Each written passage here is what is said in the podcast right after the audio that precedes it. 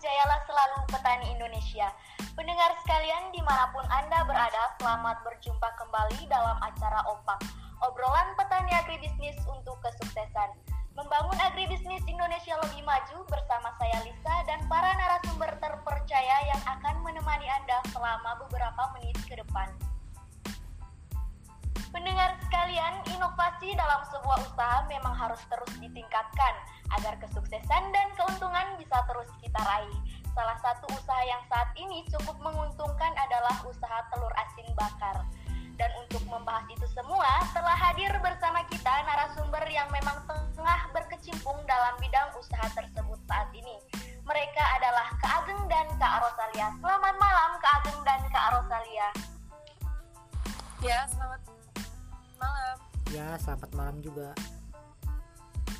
Kak Ageng dan Kak Rosalia ini merupakan pengusaha sukses dalam bidang telur asin bakar. Kemudian Kak Fitria, selamat malam. Selamat malam. Kak Fitria merupakan ketua KWT Mudi Sukses, KWT yang sudah maju di Malang. Dan yang terakhir adalah Kak Helmi, selamat malam. Baik, selamat malam. Langsung aja nih kepada Kak Ageng, gimana nih suka dukanya dalam mengembangkan usaha telur asin bakar? Ya, saya ceritakan dukanya dulu ya. Dukanya adalah saat masa percobaan itu sering kali gagal karena belum tahu resepnya.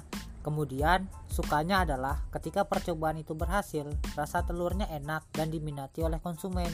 Rasanya luar biasa lah, bangga dan senang. Gitu ya kak. Ya, bangga dan senang lah. Kita ke Kak Fitria. Kak, ini mumpung ada pengusaha sukses nih di bidang telur asin bakar, usaha yang kakak minati. Mungkin kakak bisa bertanya langsung ke Kak Ageng dan Kak Rosalia terkait usaha telur asin bakar ini. Baik, terima kasih atas kesempatannya.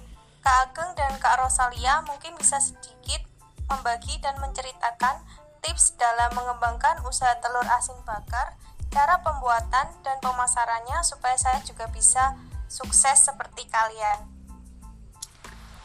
Baik, terima kasih atas pertanyaannya. Tipsnya apa ya? Membuat telur asin bakar itu sebenarnya sama dengan membuat telur asin biasa. Hanya bedanya di proses akhir pematangan. Telur itu dibakar beberapa menit. Kalau pemasaran saya kira juga mudah ya, karena peminatnya banyak. Mengingat ini produk yang unik jika dibandingkan dengan telur asin biasa. Rumah makan, warung-warung juga masih butuh banyak. Nah, sekarang kita ke Kak Helmi terkait dengan pemasaran. Gimana nih terkait dengan pemasaran apa nih yang bisa dilakukan oleh penyuluh seandainya KWT mau mengembangkan usaha telur asin bakar? Baik, terima kasih. Salah satu fungsi penyuluh adalah memfasilitasi akses pasar bagi para petani. Penyuluh bersama dinas akan mencoba untuk membantu memasarkan misal melalui internet, memfasilitasi pemanenan,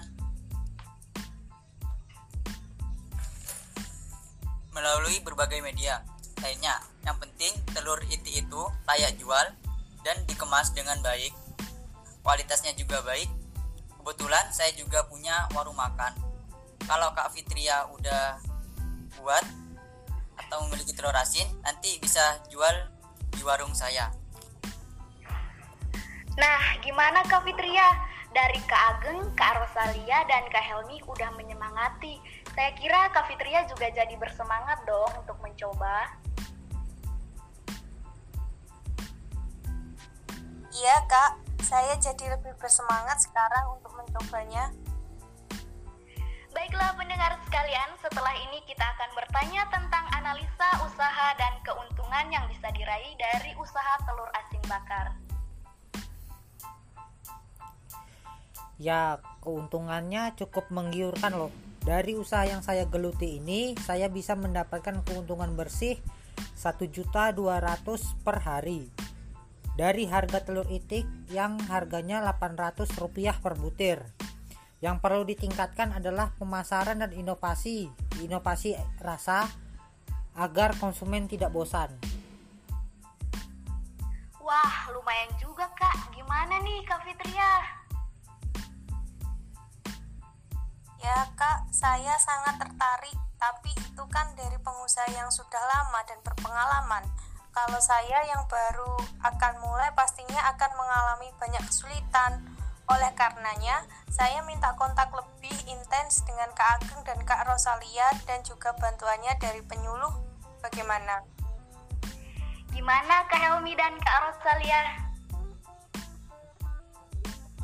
Kalau saya sih sebagai penyuluh sudah menjadi kewajiban untuk membantu dan mendampingi Oktan dan KWT termasuk KWT-nya Kak Fitria ini. Saya siap membantu dari proses sampai dengan pemasaran dan pengembangan teknologinya. Saya siap membantu. Kak Rosalia, Silahkan kak, kalau kakak mau belajar dan magang di tempat kami, kami juga akan menerima dengan baik karena kami juga saat mengembangkan pola P4S di perusahaan kami.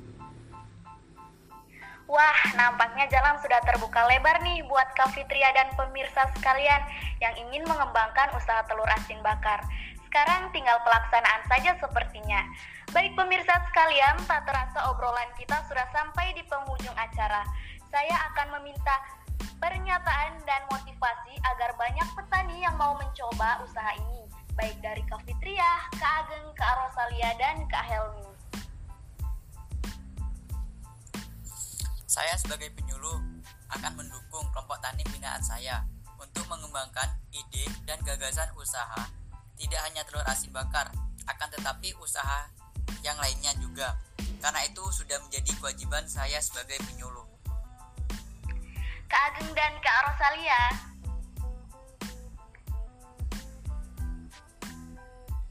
Jangan pernah takut untuk mencoba hal baru, apalagi hal itu akan menguntungkan di masa datang. Kegagalan adalah awal kesuksesan. Coba terus jika gagal dan selalu bisa membaca peluang usaha dan juga jangan takut gagal dalam mencoba sesuatu yang baru. Kak Fitria, Saya cukup termotivasi untuk mencobanya dan saya butuh dukungan dari semua pihak terutama penyuluh dan saya kira Permisa juga demikian. pemirsa sekalian, telah sampailah kita di akhir acara. Terima kasih atas perhatian pemirsa semua di mana pun berada dan terima kasih juga kepada narasumber Kak Fitria, Kak Ageng, Kak Rosalia, dan Kak Helmi. Salam sukses pertanian.